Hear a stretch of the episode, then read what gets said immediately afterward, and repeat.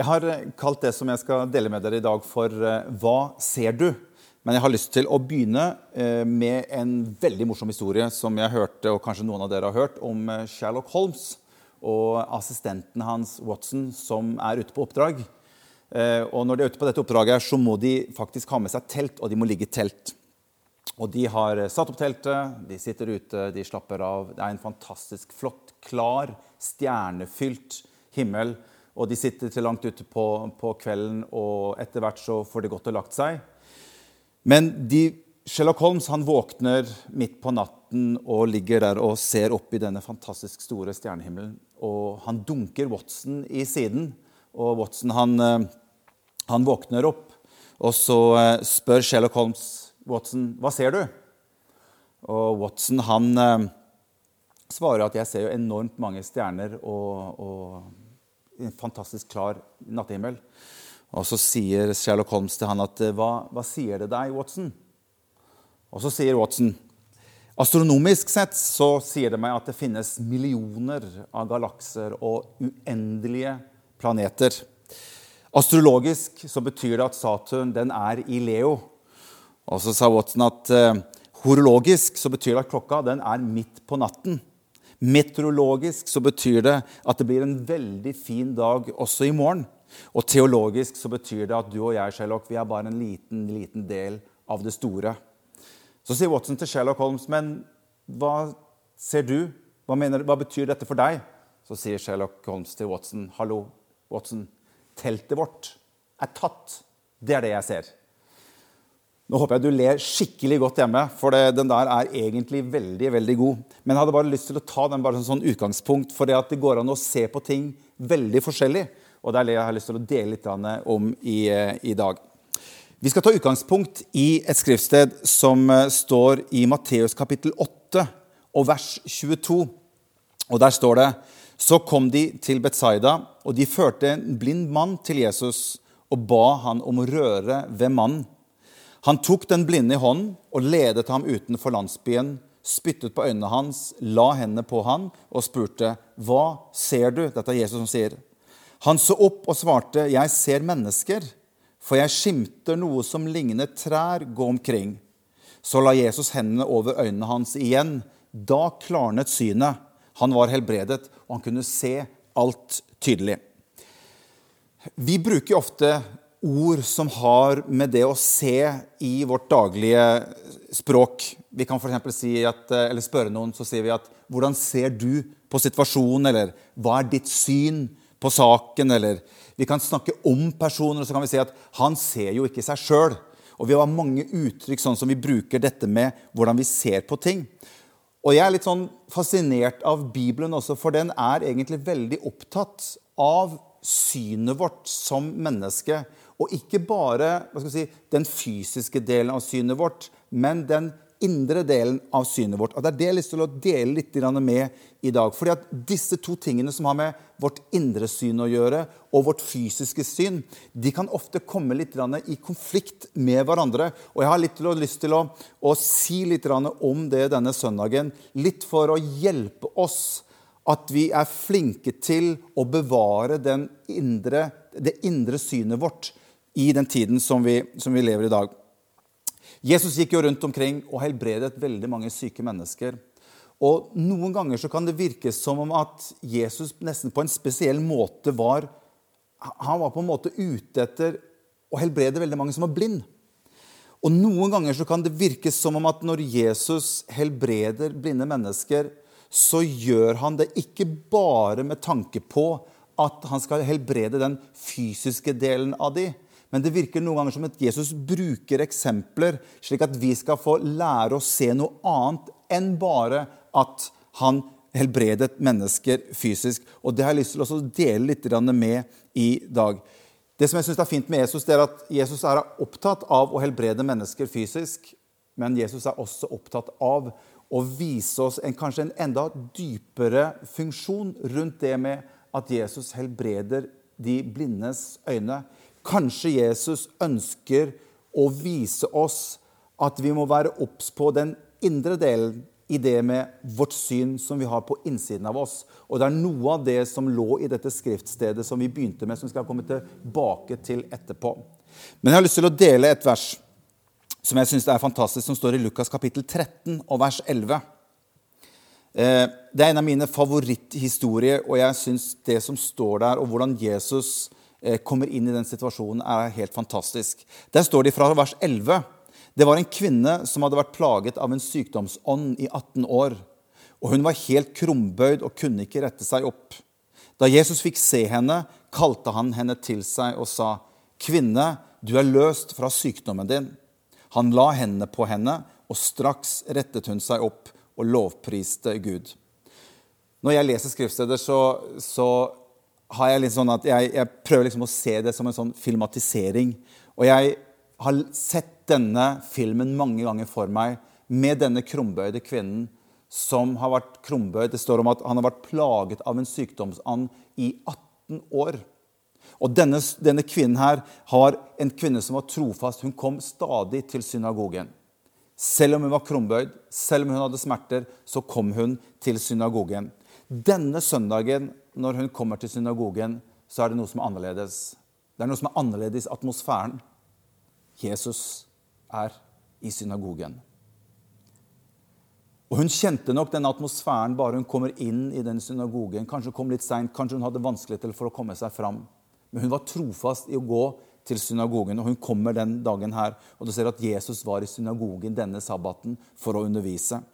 Og Det som jeg syns er så fantastisk, det er at når Jesus får øye på denne kvinnen, så skriver teksten, så skriver Lukas denne lille detaljen. For det står faktisk det at Jesus så Eller da Jesus fikk se henne. Og jeg tror ikke Bibelen er bare sånn at den skriver det bare for å skrive det. Hva betyr det for noe? Og Det er noe av dette som jeg har lyst til å dele litt for jeg synes det er bare så fantastisk hvordan Jesus ser denne kvinnen i hennes situasjon. Jesus legger merke til henne. Jesus ser henne, og han ser henne med sine fysiske øyne. Jesus ser deg og meg hvordan vi har det. Jesus han ser oss ut ifra sin menneskelighet. Og det gjør han også med denne kvinnen her som kommer til synagogen. denne. Hun, han, Jesus så hvilken tilstand hun var i. Jesus så hennes avhengighet av å prøve å bli hjulpet. Det er ikke sikkert veldig mange mennesker som hjalp henne, men Jesus så hennes avhengighet av å trenge hjelp. Jesus så hennes sjel, som kanskje var såret over lang tid. Kanskje av mennesker som har snakket nedlatende til henne. Kanskje har vært forkastet av mennesker. Vi vet ikke helt hvordan denne kvinnen hadde det, men Jesus ser henne med sine fysiske øyne. Jesus han så hvordan alle disse årene har preget henne med smerte.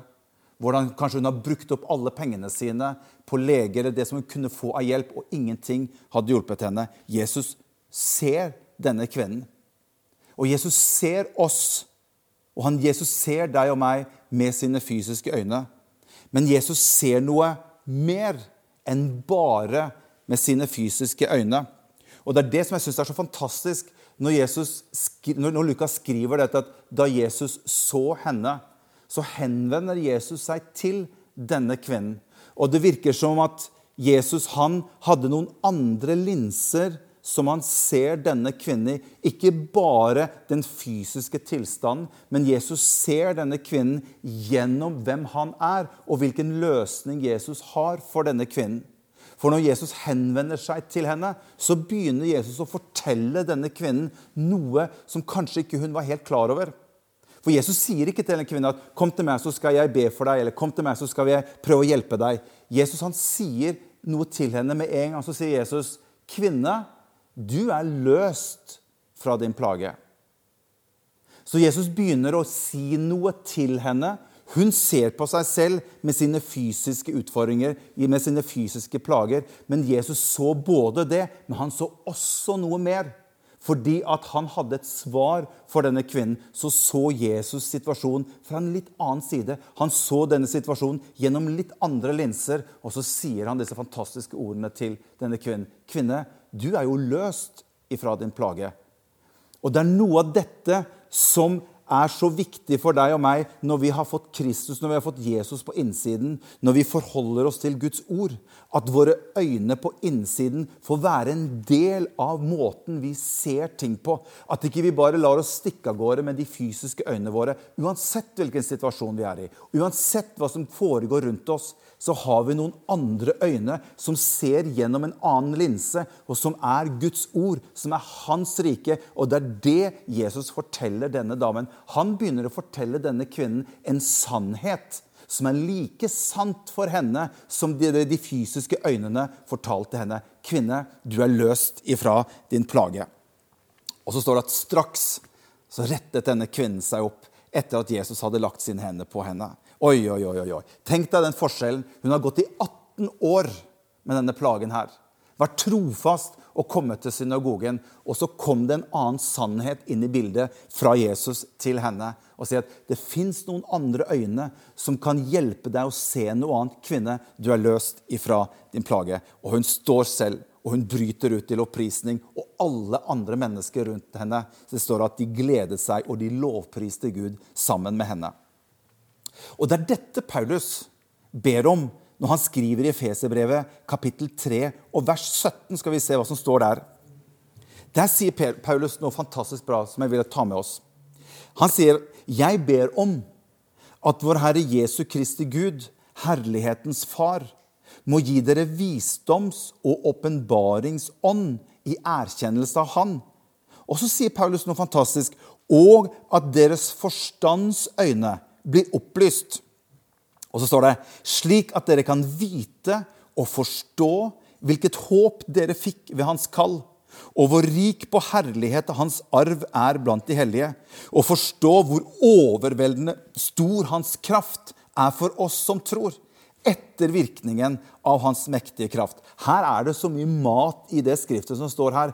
Men han sier her at han ber om at våre indre øyne må bli åpnet opp, eller opp opplyst slik at Og her legger Paulus så vekt på at ikke det bare er våre fysiske øyne som vi bruker i vårt liv, selv om vi har tatt imot Kristus, så må vi få våre indre øyne opplyst, for de har noe å si. De ser igjennom noen andre linser. De forholder seg til noen andre hva skal vi si, lover og regler enn det våre fysiske øyne sier. Og Det er derfor Paulus sier han ber om at våre indre øyne blir opplyst så vi kan fatte og vite og forstå hvilket håp vi har fått ved hans kall, hvor rik på herlighet hans arv er blant de hellige, og forstå.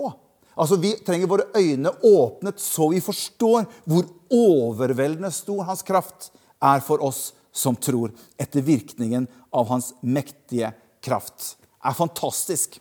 Dette her er veldig, veldig bra. Til slutt har jeg bare lyst til å, å, å ta oss bare litt tilbake til dette første verset som vi, som vi, delte. For det står det at Jesus han la hendene på denne mannen som var blind.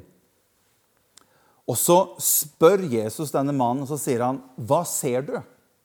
Og jeg har tenkt, Når jeg, når jeg satt og leste litt av det verset, så tenker jeg, Jesus, trengte du å be to ganger for den mannen? Hvis jeg skal tenke helt sånn, sånn si, menneskelig sett på det, så tenker jeg at ok, han ba først, og så ble det ikke helt bra. Og så ber han en gang til. Men jeg er ikke så sikker på om Jesus trengte å be to ganger. Jeg tror Jesus hadde full mulighet til å be en gang, og så var mannen frisk. Men tro kanskje at Jesus bruker denne episoden her med denne blinde mannen for å kanskje lære oss noe og gjøre oss oppmerksom på. For det Jesus egentlig gjør med denne mannen, det er at Jesus han utfordrer synet til den mannen. Litt av det som vi startet med. Hvilket syn har du på situasjonen? Hvordan ser du på saken? Hvordan, hvordan, er dine øyne i forhold til hva du og jeg ser rundt oss? Og Kanskje er det Jesus bruker dette eksempelet til med en mann. For han sier, 'Hva ser du?' Og jeg tror Jesus prøver kanskje å si til oss at vi kan faktisk ha øynene våre åpne, men enda ikke se klart. Vi kan ha fått en berøring av Gud, men vi trenger fortsatt å utfordre våre øyne, våre indre øyne, til å se klart. For jeg tror veldig ofte så har du og jeg lett for at vi tas med av våre omgivelser, våre omstendigheter, de situasjonene vi kommer opp i. Og så glemmer vi litt de indre øynene våre. Og det er det Jesus, og det er det jeg følte at jeg skulle dele med dere som, som hører på eller ser på i dag. Hva ser du? Hva ser du i den situasjonen kanskje du har kommet opp i? I de vanskeligheter som er rundt deg?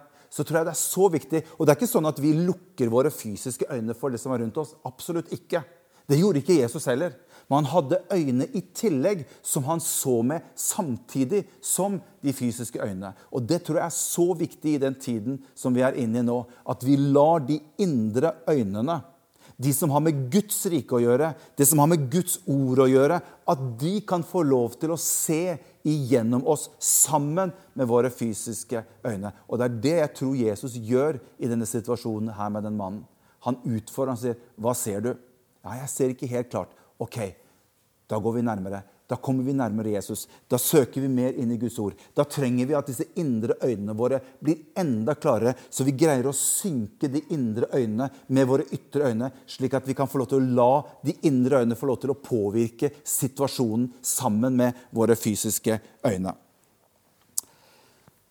Jeg husker at vi sang en sang for mange mange år siden. Se på Jesus. Jeg vil løfte mitt blikk og se på han. Og så sang vi eh, se på ham slik som han er. Og det tror jeg er noe, noe av det som vi har snakket om her. At det å løfte blikket, det å se på Jesus og se på han slik som han er, det er ikke bare noe du og jeg får til i et øyeblikk et nå. Det er noe vi vokser inn i. Det er noe vi lærer Jesus mer å kjenne. Vi lærer hans ord mer å kjenne. Vi søker han i bønn og lovprisning. Og våre øyne blir mer og mer klart. Og vi kan få lov til å ta del i de indre øyne. At det blir mer en del av vår virkelighet på utsiden i livene våre. Derfor har jeg bare lyst til å avslutte med det skriftstedet som står i Hebreabrevet 12, og fra vers 1. Der står det noe fantastisk. Det står at vi med utholdenhet skal fullføre det løpet som ligger foran oss. Og så står det 'med blikket festet på Han', som er troens opphavsmann og fullender Jesus.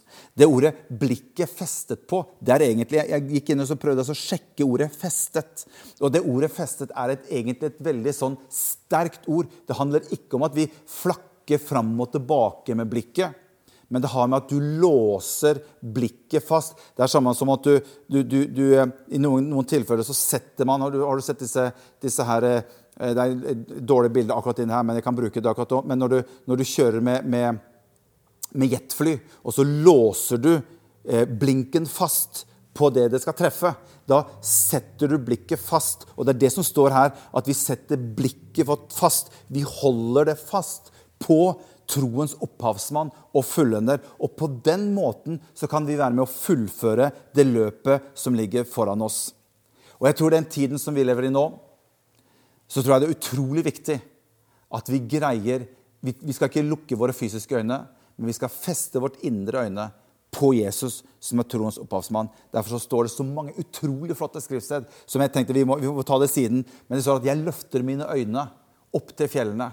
Hvor skal min hjelp komme fra? Min hjelp kommer fra Herren. Det er ikke sånn at jeg går ut fysisk og så løfter jeg øynene mine opp på et, et, eller annet fjell og så venter jeg på et eller annet sånn hjelp. Det er ikke det det betyr. Det har med de indre øynene som fester blikket sitt på Jesus, der hjelpen kan komme fra. Og det er noe i det at jeg tror noen ganger vi med våre fysiske øyne vi, så, vi blir lett fanget av omstendighetene våre. Og du og jeg vi kan befinne oss i vanskeligheter, og vi lar blikket vårt bli så festet på de tingene rundt oss at vi greier ikke å gi slipp på det engang. Men løsningen vil alltid være å løfte blikket opp og se på Jesus. Der ligger løsningen. Derfor har jeg bare lyst til å oppmuntre oss alle sammen i den tiden vi lever i. Løft blikket ditt. Fest blikket ditt på Jesus.